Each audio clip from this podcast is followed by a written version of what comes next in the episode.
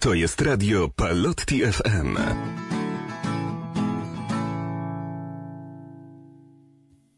Dobry wieczór.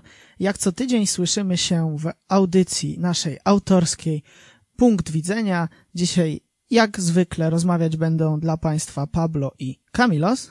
Witam. Dzisiaj po raz kolejny poruszymy temat związany właśnie ze społecznością, z problemami społecznymi, z takimi rzeczami. Będziemy niektóre kwestie y, naświetlać właśnie w oparciu o naszą wiedzę filmową, ogólnie hollywoodzką i tak dalej. Już kiedyś zdarzyło nam się wspomnieć o tym serialu podczas naszych audycji tutaj na antenie. Tak, e, wspominaliśmy o tym, jak rozmawialiśmy o platformach streamingowych i o ich repertuarze, który mają w swoich biblioteczkach. Mowa o The Office, popularne biuro. Tak, jest to amerykański sitcom dokładniej, e, prowadzony, e, realizowany w latach 2005 i 2013 przez e, stację NBC. Jest to remake popularnego serialu brytyjskiego o tym samym tytule, ale zdecydowanie amerykański stał się bardziej popularny. Tak, i warto wspomnieć, że jest on zachowany w stylu mokumentu, czyli e, gatunku filmowego czy też telewizyjnego, e, fikcji, która udaje film dokumentalny. Często przyjmuje ona satyrę e, lub parodię. No i tutaj zdecydowanie i parodia, i satyra, i komedia były nam szeroko dostarczane. Tutaj myślę, że każdy się ze mną zgodzi. Przybliżymy może trochę tym, którzy nie znają, o czym mniej więcej jest ten serial, ponieważ nie będziemy rozmawiali stricte o tym serialu, tylko jakby o postaciach, e, ich cechach charakteru i jakie przesłanie może nieść ten serial, według nas oczywiście, ponieważ będzie to nasz punkt widzenia. I tutaj najpierw przybliżymy troszeczkę fabułę, żeby, żeby wszyscy wiedzieli o co chodzi. E, Fabuła serialu opowiada o perypetiach pracowników e, biura regionalnego firmy papierniczej. Tak, dobrze słyszeliście, to jest firma papiernicza. Znajduje się ona w Scranton w stanie Pensylwania i nosi nazwę Dunder Mifflin. Kierownikiem był y, Michael Scott, znany oczywiście i grana postać przez Steve'a Carella. Y, Ale jeszcze wracając do tego biura, to nie jest przypadek, że było to małe biuro, że było to bardzo biedne biuro, że była to zwykła firma papiernicza i nie był to na pewno też przypadek, że było to takie zwykłe, szare, nieznane wielu osobom miasto Scranton, a nie na przykład Nowy Jork.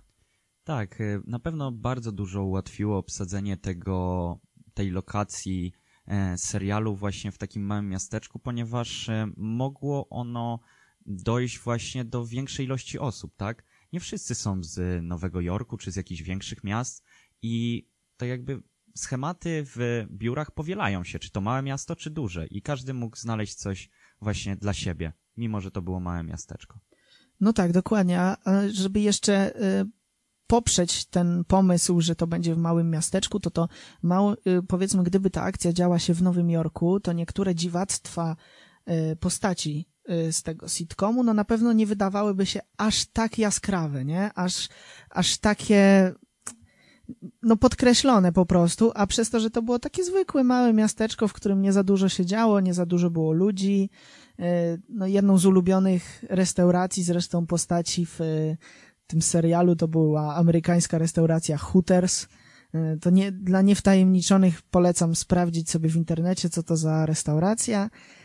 No także tak, wszyscy byli tam dość stereotypowi. I to właśnie, że to było to małe miasteczko, to myślę, że dodawało jeszcze tego smaczku, nie? Że to nie dzieje się w Big Apple, czyli właśnie w Nowym Jorku, gdzie wszyscy mają jakieś swoje dziwactwa, tylko teoretycznie każdy powinien być szarą osóbką. E, Warto wspomnieć, że jeśli mówimy o tym serialu jako o sitcomie, to nie miał on w sobie dodanych, że tak powiem, efektów śmiechu, e, żeby nakreślać ludziom, kiedy mają się i po jakim żarcie mają się śmiać. No tak, i oczywiście nie było to y, kręcone, tak jak na przykład znany szerszej publiczności na pewno serial Teoria Wielkiego Podrywu, czy znaczy s- sitcom. Nie było to kręcone przy udziale widowni. To było w zamkniętym małym biurze kręcone, znaczy oczywiście sceny z biura, e, nie było tam ani, e, ani widzów, ani, ani żadnych takich dziwnych efektów specjalnych właśnie, tam na początku w ogóle to e, wszystko się wzięło właśnie z serialu angielskiego o tym samym tytule, czyli The Office. No ale nie, nie najlepiej się to przyjęło w Stanach. Tak, bo mm, The Office właśnie wywodzące się z Wielkiej Brytanii, e, za które odpowiadał w dużej mierze Ricky Gervais, czyli znany brytyjski komik, na realia brytyjskie było właśnie takie okraszone żartami właśnie takiego typowego angielskiego humoru. E, I nie przemawiały one na początku do widowni, która miała właśnie to oglądać w Ameryce i musieli troszkę twórcy ten humor przerobić na bardziej amerykański, żeby wpasować się w gusta swoich rodaków. No tak, zresztą pamiętajmy, że y, co kraj to obyczaj. I, a w szczególności w Anglii ten humor jest, to się nawet często jest takie powiedzenie, że ktoś ma angielski humor. On jest bardzo specyficzny. I w Stanach się to na początku nie przyjęło, więc od drugiego sezonu rozpoczęto robić tako, taki remake, ale na swój sposób troszeczkę się wzorowali, w znaczeniu e, wzorowali tam jakieś postacie na tych postaciach z angielskiej wersji, ale już e, cała historia i fabuła i żarty były już coraz bardziej tak pod amerykańską publikę tworzone, właśnie żeby coraz lepszy, lepszy odzew był, ponieważ po pierwszym sezonie niestety moglibyśmy się nie doczekać kontynuacji. Masz rację. Był taki moment, w którym właśnie po pierwszym sezonie znalazła się obsada The Office i była opcja, że nie zostaną jednak przedłużone prawa autorskie do transmisji tego serialu i że niestety, ale z nimi się rozstaniemy. Mm, wtedy bardzo dużą odwagą wykazali się reżyserzy, którzy do końca walczyli o właśnie swój projekt i postarali się jak najbardziej udoskonalić e, tak jakby postacie przedstawione w swoim serialu, żeby jednak skraść serca widowni. No tak, i na szczęście, na szczęście to poszło dalej. Tutaj też się przyczynił główny aktor do tego. Steve Carell, który zagrał w filmie. 40-letni prawiczek, tak? No a potem już wiemy, jak jego kariera się potoczyła. Każdemu jest chyba znany. Kula śnieżna, można to określić. Co rok lepiej była. No tutaj też yy, wystąpiły inne osoby, teraz już szerzej znane, wtedy może nie aż tak znane, e, między innymi e, Dwighta Schruta. E, był to sprzedawca bardzo taki aspołeczny, bardzo, bardzo dziwny dla ludzi z otoczenia. Jednocześnie pracował w tej firmie i prowadził swoją farmę buraków prosto z XIX wieku. Zagrał go Rain Wilson. Warto wspomnieć też, że w serialu swoje pierwsze kroki w aktorstwie stawiał John Krasiński, który teraz jest też szeroko e, pojętej publiczności bardzo znany z na przykład filmu Ciche Miejsce, bo on odpowiada za reżyserię, więc no, tak jak mówimy, trampolina do wszystkiego to był serial. No tak i, i w serialu mu się poszczęściło, ponieważ tam e, był serialową parą z Pam Beasley, czyli aktorką Jeną Fisher, no a w prawdziwym życiu jest teraz z Emily Blunt. Emily Blunt, dokładnie. Więc rzeczywiście jemu się wyjątkowo poszczęściło. E, wspomniana wcześniej Pam Beasley właśnie była e, sekretarką w tym biurze, no ale pojawiały się też szerzej znane osoby, między innymi BJ Nowak, który grał Ryana Howarda, on był na początku stażystą, no i potem śledzimy oczywiście ścieżki jego kariery i to był właśnie jeden z tych większych aktorów tam, który już był znany szerszej widowni zdecydowanie. E, jeszcze wcześniej e, pojawił się Ed Helms. E, znaczy, no, nie wcześniej niż BJ Nowak. On dopiero trafił na ekrany właśnie The Office tam w trzecim sezonie, ale tak jakby reżyserowie nie wyczerpali z niego tego potencjału. On dopiero potem stał się gwiazdą z szeroko znanego Cats Vegas. Tak, dokładnie. E, no i oczywiście pojawiały się inne postaci, między innymi Oscar Martinez, który grał księgowego, był Kevin Malone, również księgowy i z tego samego działu Angela Martin. Występował również Stanley e, Hudson, e, była również Phyllis i tutaj z Phyllis ciekawą anegdotkę ma mój współprowadzący na pewno. Tak, e, Phyllis to jest na pewno ciekawa persona, na, na pierwszy rzut oka bardzo niepozorna osóbka i wcale to nie dziwne, bo aktorka, która wcielała się w rolę tej postaci, nie miała wcześniej żadnego do czynienia z aktorstwem. Ona po prostu była współpracowniczką e, scenarzystów, pomagała w przygotowywaniu się do ról innym postaciom e, podczas czytania przez nich scenariusza. No i spodobała się bardzo e, reżyserowi, więc postanowił ją obsadzić w jednej z ról. No i reżyserowi, i z tego co czytałem, związała się również z aktorami, więc to była taka obopólna zgoda na to, żeby wzięła udział. No i moim zdaniem zagrała bardzo dobrze grała taką osobkę, jaką sobie można powiedzieć wyobrażamy w głowie, jak ktoś y, mówi właśnie y, Phyllis Lapin. No od razu się pojawia taka, w szczególności jeżeli znamy jej wiek mniej więcej, no to taka ciepła kobieta w stylu takiej cioci, y, troszeczkę korpulentna, ale przeważnie miła.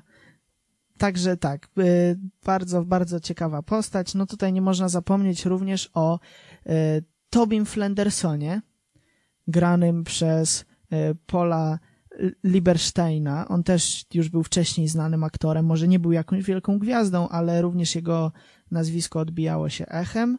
No i to można powiedzieć był taki nemezis szefa właśnie Michaela Scotta. E, tak, nie pałał do niego na pewno sympatią nasz e, Michael Scott. E, był to, o, oczywiście dalej mówię o Tobim Flendersonie, był on pracownikiem działu HR, E, I no, niestety, ale mm, no Michael, Michael nie przepadał za nim. Zawsze powtarzał, że no, nie pasuje mu jego osoba, że jest zbyt dokładny w tej pracy. Jak może powiedzieć tak menadżer? Tak, dokładnie. Y, klasyczna, stereotypowa kolejna sytuacja, czyli nielubienie się szefostwa z działem HR, ale do tego wrócimy już po przerwie. To jest radio Palotti FM.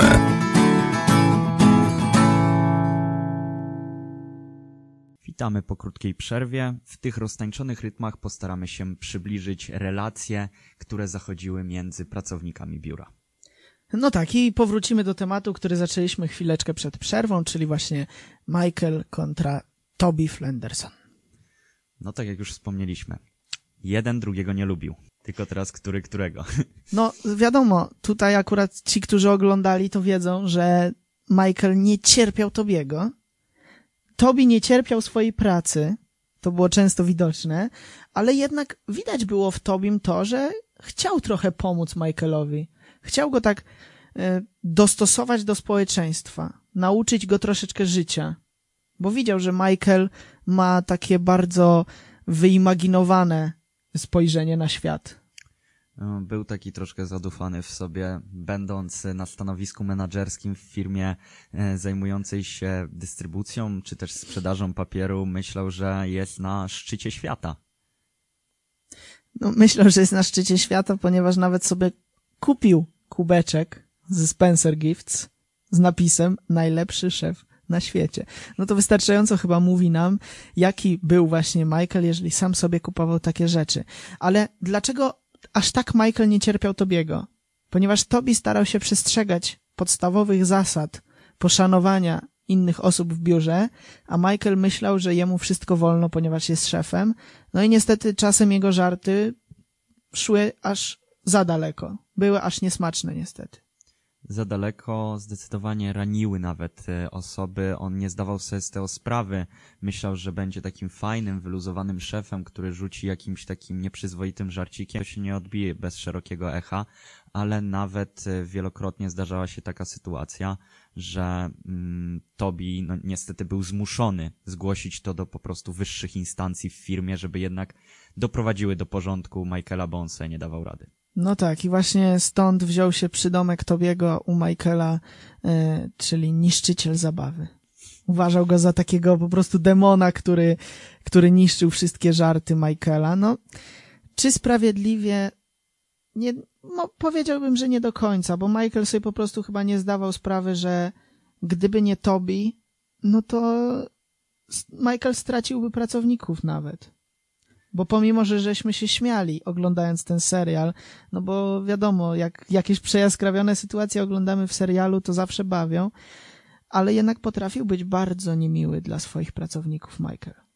Tak, zwróciłeś uwagę, że on nie zdawał sobie z tego sprawy. Na opisanie jego postaci użyłbym porównania, że to był dziesięciolatek w ciele czterdziestoletniego mężczyzny i on po prostu był taki zagubiony, jakby w piaskownicy, a to była jednak no, praca, tak? Więc powinien się jakoś przyzwoicie zachowywać. Tak, tak jak znamy wszyscy film, znaczy na pewno większość zna ciekawy przypadek Benjamina Batona, tak tutaj był ciekawy przypadek Michaela Scotta, czyli człowieka, który cały czas się starzał, ale jego wewnętrzny takie, taka inteligencja emocjonalna stała w jednym miejscu po prostu. No i to, to stwarzało mu niejedno, nie, nie jeden problem, między innymi również w życiu prywatnym. Tak, miał, miał problem ze znalezieniem właśnie takiej swojej długotrwałej miłości. Pewnie to było właśnie unormowane jego po prostu takim ja, e, że było ono troszkę odpychające jednak.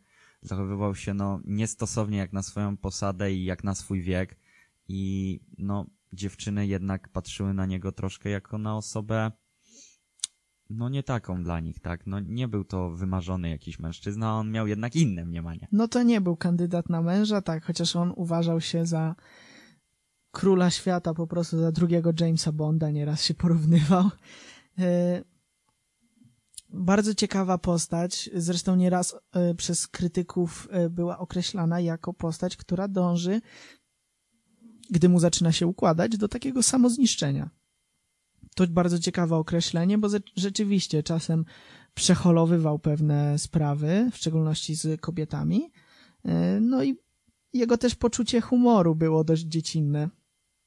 Wystarczy, że powiedział jakieś słówko o podtekście seksualnym i od razu mu się zapalała lampka, że to jest coś zabawnego.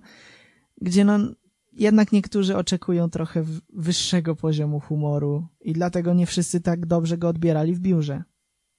To prawda, tak samo jak i cały serial, ludzie też tak właśnie do niego podchodzili. No to nie jest jednak takie wysublimowane właśnie poziom żartów, tak? Tam jest taki bardziej, to jest taki odmóżdżacz, tak? Że każdy może tam znaleźć coś dla siebie, no ale jeśli ktoś szuka w tym jakiegoś, jakiejś takiej większej głębi, no to może się, no zrazić do tego serialu, ale to nie o to tu chodziło. Ale przegadaliśmy sprawę nienawiści do personelu HR-u. Może teraz porozmawiamy o sprawach związkowych w biurze. No tak, i tutaj chciałbym podkreślić to dla naszych słuchaczy. To są cały czas sprawy, które poruszamy, z którymi możemy się utożsamiać. No bo każdy na pewno w pracy, jeżeli nie poszedł już do pracy mając jakąś sympatię, no na pewno spodobała mu się jakaś dziewczyna, spodobał mu się jakiś chłopak, prawda? No zawsze gdzieś, jeżeli z kimś się przebywa te kilkanaście czy kilka godzin dziennie w jednym pomieszczeniu, no to jednak jakieś relacje powstają. No i tutaj relacje rzeczywiście powstawały, ponieważ występował flirt między Jimem Halpertem a Pam Beasley. Dokładnie, ukochaną e, sekretarką Pam i jednym z najlepszych sprzedawców Jimem, tak? No tutaj zaznaczam, nie najlepszym. Nie był najlepszy, ale prawie najlepszy. Mm, tak, i ta relacja pomiędzy nimi tak małymi kroczkami nabierała rozpędu e, i właśnie była z początku taka niepozorna, ponieważ Pam uosabiała osobę raczej taką troszkę wstydliwą i też taką małomówną, a Jim raczej tak jakby, no, ze swojego wyglądu wyglądał na takiego właśnie osobnika bardziej, no, był przystojny, tak uważany przez Pam potem, e, ale też nie wiedział, jak do tego się zabrać. No, obydwoje to było właśnie nieurocze, że byli tacy nieporadni w tym wszystkim. I Pam podobał się Jim, i Jimowi podobała się Pam. Był taki właśnie niewinny flirt, kiedy Jim podchodził właśnie do recepcji i sobie z nią żartował, rozmawiał, opowiadał jakieś historie, albo Pam się dzieliła jakimiś ciekawymi pomysłami, po, dzieliła się z nim nawet swoimi marzeniami, swoimi uczuciami. I to właśnie było tak, takie niesamowite między nimi, że byli tacy z jednej strony wielce zakochani w sobie, a z drugiej strony, no, w pierwszym, w szczególności w pierwszym e, sezonie była osoba, której się nie podobało to, że są, ze sobą flirtują. Tak, bo w pierwszym sezonie Pam jeszcze miała narzeczonego slash chłopaka, e, który no jednak no nie widział tego w dobrych kolorach, jak e, za każdym razem wpadając po swojej zmianie do biura widział, jak Jim sobie podchodzi do biurka i, no, i, i się śmieje z Pam, a ona z, właśnie ze swoim narzeczonym jakoś nie miała takiego dobrego czasu. No właśnie, to jest też y, kolejny taki wątek y, przedstawiony, y, który nam podprogowo daje znać, żebyśmy nie wpadali w monotonię. To daje nam znać, jakby pokazuje, że Jimmy i Pam ze sobą się dogadywali, a nie byli razem, tylko ze sobą flirtowali, a Pam była z swoim narzeczonym, z którym ani nie miała wspólnych tematów, ani nie potrafiła się dobrze bawić, ani w ogóle nie czuła się tak prawdziwie szczęśliwa. I to jest właśnie urok tego sitcomu, że przez ten, przez humor, przez takie bardzo niepozorne tematy zwraca uwagę na coś ważnego. Zdecydowanie tak, ale mm, no, ja jeszcze nie mogę przywołać takiej sytuacji, ale pewnie osoby e, słuchające mogą powiedzieć, że mają pewnie w biurze jakiegoś śmieszka. I co z tym się wiąże, Pawle? No tak, tutaj się wiąże słynna przyjaźń, nienawiść, można powiedzieć, bo to różnie interpretowana była na przestrzeni sezonów. Jima już wcześniej wspomnianego i Dwighta Schruta. Tak, Jim był nemezis właśnie Dwighta. Oni ze sobą rywalizowali na takim najpierw piętrze zawodowym, potem właśnie takim docinkowym robili sobie żarty. Oczywiście jednostronnie wielokrotnie właśnie Jim żartował sobie z Dwighta. To znaczy Dwight też próbował. Dwight próbował, no ale Jim jednak był sprytniejszy. I to jest właśnie takie też e, ciekawe, ciekawa różnica właśnie w postaci Jima, że jednak e, w stosunku do Pam miał on takie bardziej zdystansowane podejście i tak jakby nie wiedział się jak za to zabrać, ale jak już było trzeba dopiec Dwightowi, to tyle pomysłów ile on miał, to na palcach jednej ręki na pewno nikt nie zliczy.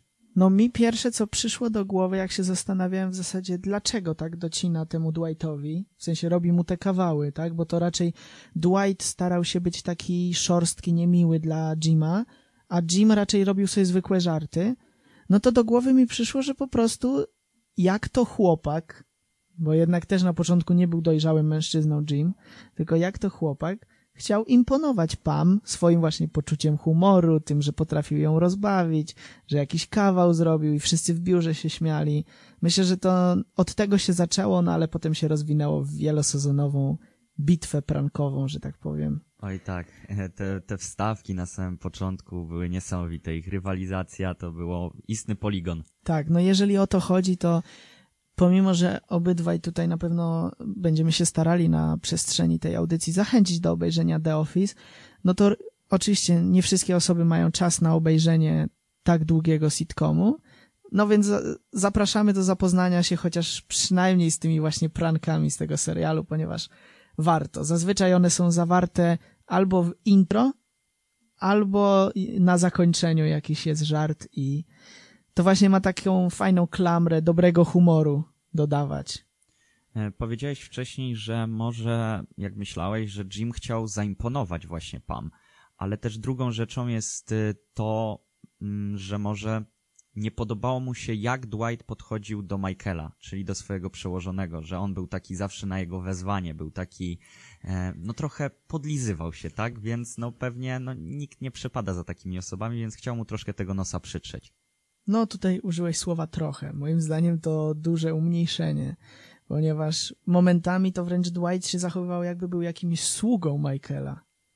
I tutaj też ta patologiczna troszeczkę można powiedzieć relacja między Michaelem a Dwightem, e, ponieważ Dwight chciał się wybić właśnie przez znajomość z szefem, no a Michael traktował go trochę tak pobieżnie, żartował sobie często z Dwighta, E, no nie wypisywał mu tych rekomendacji, tak? E, jakby traktował go często nawet gorzej niż na przykład Jima, który w ogóle się nie podlizywał.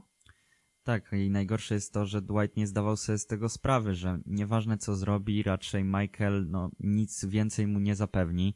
E, świadczyć o tym może właśnie wymyślone stanowisko dla Dwighta, które nie miało pokrycia jakiegoś finansowego większego Żadnego, dla niego. No, nawet dokładnie. tytularnego, co ciekawe. Tak, tylko on o tym wiedział, tak naprawdę Michael znaczy się tylko. Tak, ponieważ on myślał, on wmawiał sobie często, że jest zastępcą menadżera, a Michael cały czas mówił, że jest asystentem menadżera. No i to jakby no samo przez siebie e, daje znać, że no coś, coś nie tak było z tym Dwightem, jeżeli taka funkcja uderzała mu do głowy. To jest radio Palotti FM.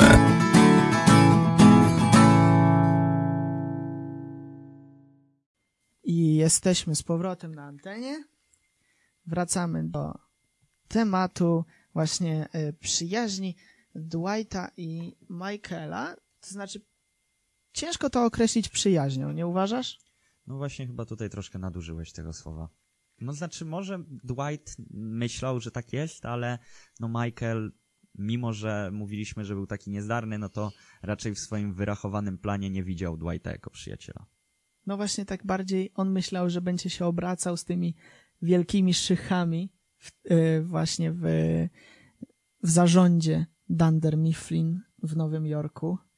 Czuł się, że jest stworzony do wielkich celów. No, oglądając serial z każdym odcinkiem się dowiadujemy, że to jest wręcz niemożliwe. Yy, no tak, ale tutaj ta relacja momentami była dość przykra, w szczególności dla Dwighta. Że był cały czas niedowartościowany właśnie. Bo on naprawdę, moim zdaniem, pomimo, że Dwight był dość, przez większość serialu był dość negatywną postacią, no to jednak w, przy relacji Dwight i Michael on się starał, naprawdę się starał. Tak, i może ta toksyczna relacja troszkę wyciągnęła więcej w sumie z Dwighta, tak sobie teraz myślę, że on licząc na to, że dostanie ten wymarzony awans, jeszcze bardziej przykładał się do tej pracy, no i mm, rywalizował o miano najlepszego sprzedawcy razem z Jimem, więc to może był taki troszkę olej napędowy.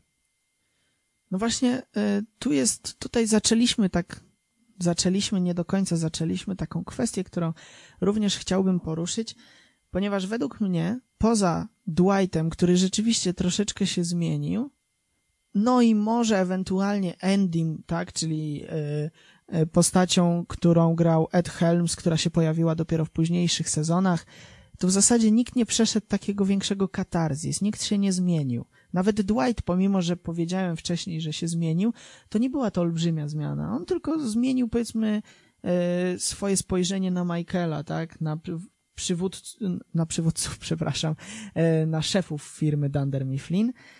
No ale reszta, to, czego zazwyczaj oczekujemy od serialu, no nie było tej transformacji postaci. Powiedzmy, no nie, nie, nie spotkaliśmy najpierw niezaradnego Michaela, a skończyliśmy na kimś, kto jest niesamowitym biznesmenem. No nie było takiej sytuacji.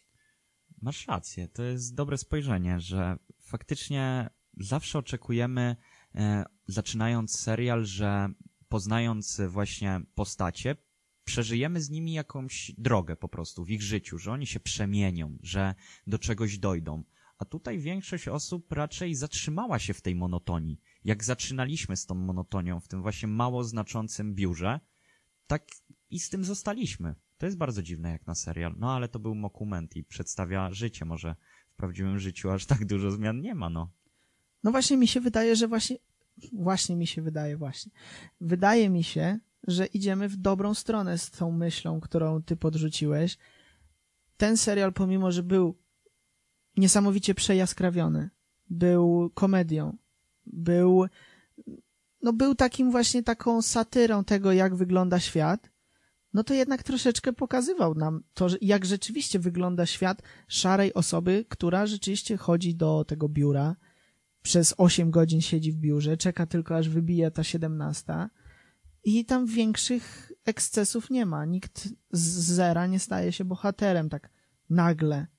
To pokazywało właśnie takich prostych, zwykłych ludzi, którzy nie stają się znanymi personami, tak, na całym świecie. Wspomniałeś e, o bohaterze i o staraniu się, żeby nim zostać, no to chyba taką próbę podejmował Ryan Howard, grany przez BJ'a Nowaka, no ale e, dla osób, które oglądają i które będą oglądały i się przekonają, no troszkę, troszkę chyba inaczej to wyglądało.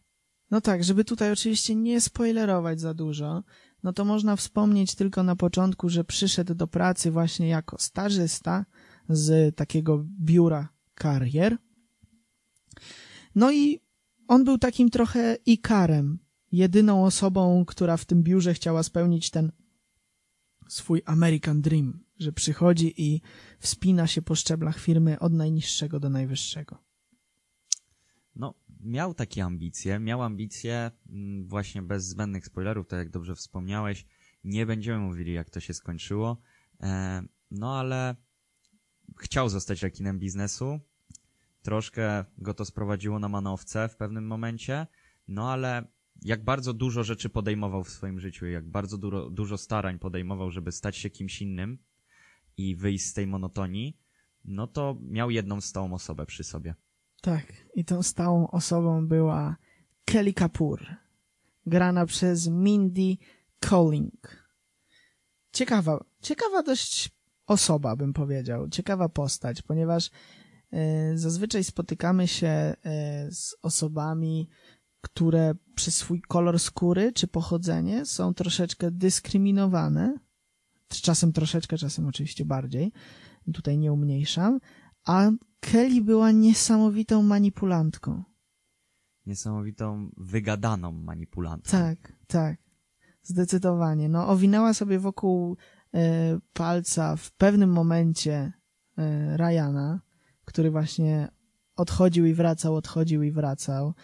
No, ale niektóre momenty e, pokazują, że są tacy ludzie na świecie, którzy zrobią wszystko, żeby dostać troszeczkę atencji. I ona była taką osobą. Przecież ona zmyślała momentami, że zaszła w ciąży z Ryanem. Żeby tylko przy niej został. Żeby został, dokładnie. Były momenty, kiedy na przykład przychodziła z jakimś ogłoszeniem, stawała na środku biura i mówiła, że ten, kto jej nie słucha, dostanie pozew o rasizm. Więc nadużywała czasem tej właśnie karty, że tak powiem, y, kobiety, karty hinduski, karty właśnie no, mniejszości w Stanach, tak? Bo to oczywiście to chodzi o te biura w Stanach. Więc ona była takim kontrastem do innych postaci, ponieważ ona była tą naciągającą swoje, powiedzmy, przywilej, znaczy te trudności starała się za wszelką cenę zamienić na atencję. A oprócz tego była uzależnioną e, po prostu od internetu i wyłapywała tam wszystkie te trendy takie, które oczywiście pokazywała w biurze. Była po prostu taką, no, osobą bardzo stereotypową, jak już powiedzieliśmy. E, ten serial jest przejaskrawiony i ona przyjechała z Indii, właśnie tak przyjechała do Ameryki, podłapała te trendy i od razu się z nimi tak jakby obnosiła. No było to bardzo ciekawe, pewnie w obecnych czasach już taka postać bardzo przejaskrawiona by nie powstała, no ale wtedy to miało rację bytu no właśnie to miało uzmysłowić pewne rzeczy i tutaj po raz kolejny przy, przydaje się to, że ich biuro nie było w Nowym Jorku, tylko w tym Scranton. Bo gdyby była w Nowym Jorku i podążała cały czas za modą, nikt by nawet nie zwrócił na to uwagi. To by było w ogóle nieznaczący temat, ale przez to, że była w Scranton, w takim e, bardzo, można powiedzieć, spokojnym miasteczku, gdzie ludzie byli już ustatkowani, sobie żyli na swoim garnuszku i tak dalej, no to ona była cały czas tym, tym zwariowanym żywiołem. I, I to ją właśnie wyróżniało między innymi. Ale w biurze, poza takich żywiołów jak Ryan czy Kelly, pojawiają się dwie osoby, które no są wolniejsze naprawdę niż żółwie. Niż muchy w smole nawet. Tak, dokładnie. I są to? Stanley, Kevin Malone. I Kevin Malone, tak, i Kevin Malone. No. Nie, wiem, nie wiem, który był bardziej leniwy obydwoje na pewno mogli rywalizować e, o miano tego najbardziej leniwego. Coraz to przez, prześcigali się e, tymi właśnie pomysłami na to, jak najbardziej e, zabić czas w biurze.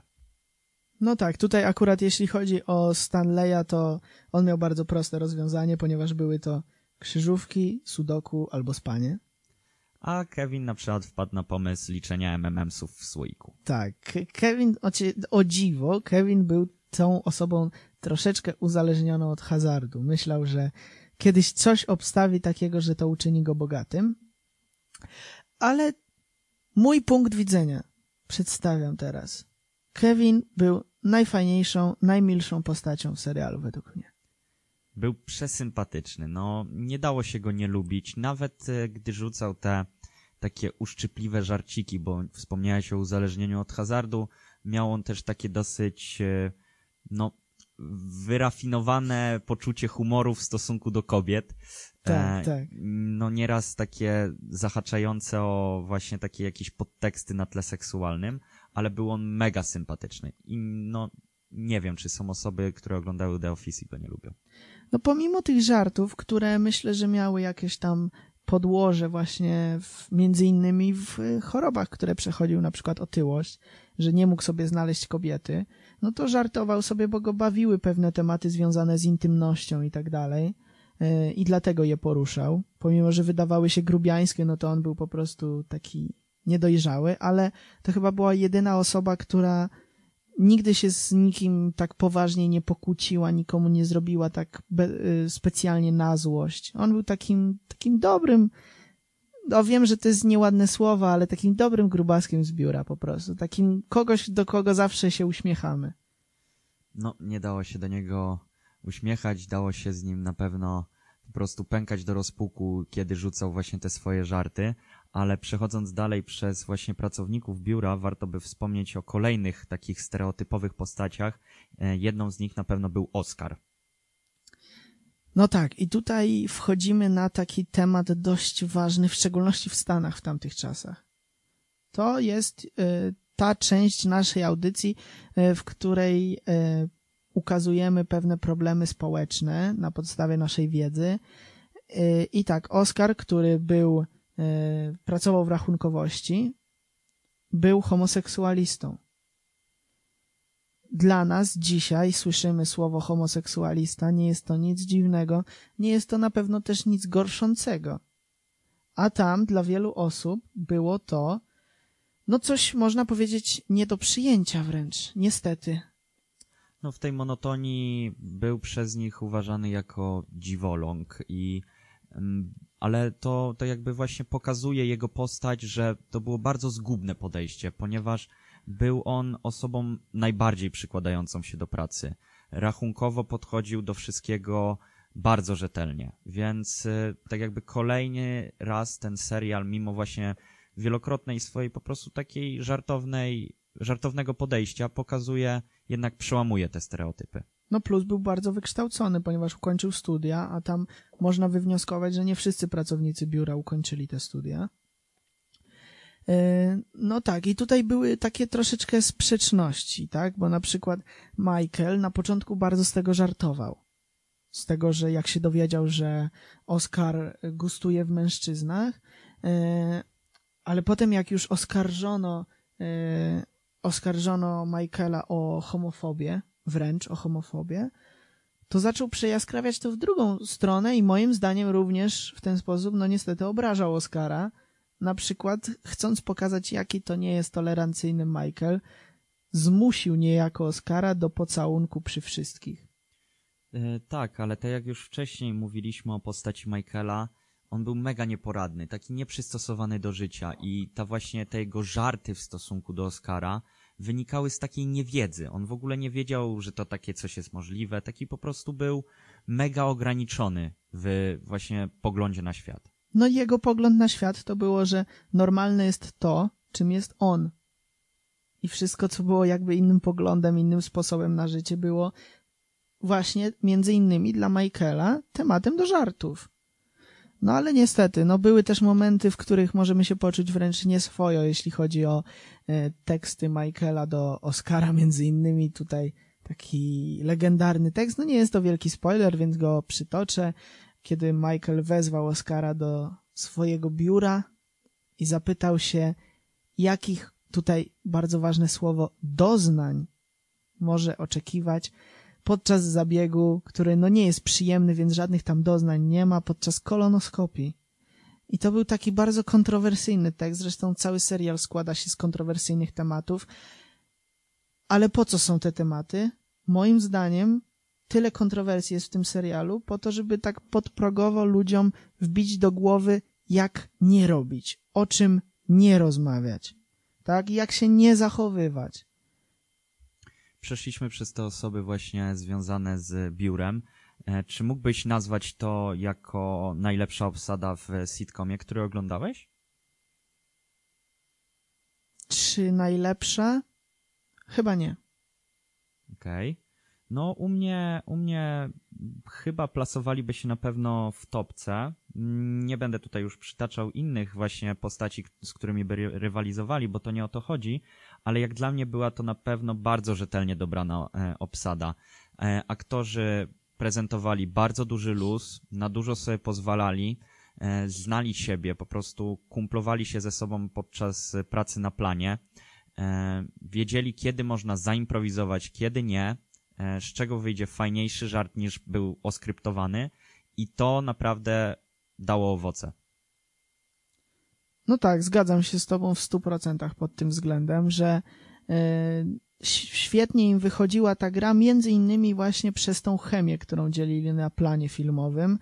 Yy, no, pomimo, że większość z nich była amatorami, no to yy, można powiedzieć, że razem rośli na tym planie. Razem rozumieli, jak to jest grać w czymś takim, a przez to, że grali z tymi samymi aktorami, tam pojedyncze tylko osoby przychodziły i odchodziły, ale ten główny rdzeń był, e, no to właśnie tworzyli te relacje między sobą, które potem oglądając na ekranie uznawaliśmy, że rzeczywiście tak może być w naszym życiu. Dla, dla podkreślenia tej takiej głębokiej relacji pomiędzy tymi postaciami warto przytoczyć sytuację z castingów które odbywały się dosyć niekonwencjonalnie, ale była taka jedna sytuacja, w której John Krasiński aspirował rolę e, Jima Halperta, e, z kolei Jen Fisher aspirowała o rolę Pam Beasley i obydwoje musieli odgrywać scenki, bo oni rywalizowali, oni tam byli parowo układani i mieli odgrywać jakieś scenki. I na końcu po prostu dnia tego castingowego dostali oni informację, każdy pojedynczo, kto zyskał rolę. No i Jim się dowiedział, że dostał rolę i od razu zapytał, czy właśnie Jen też dostała rolę. I to tak pokazuje, że już wtedy u nich po prostu z, zaiskrzyło, że tak chemia od razu za, zaistniała pomiędzy nimi. No, że się zżyli prawie od razu, jeszcze nie, nie, nie zdążyli nakręcać niczego, a już, już było to czuć na planie. To jest radio Palotti FM.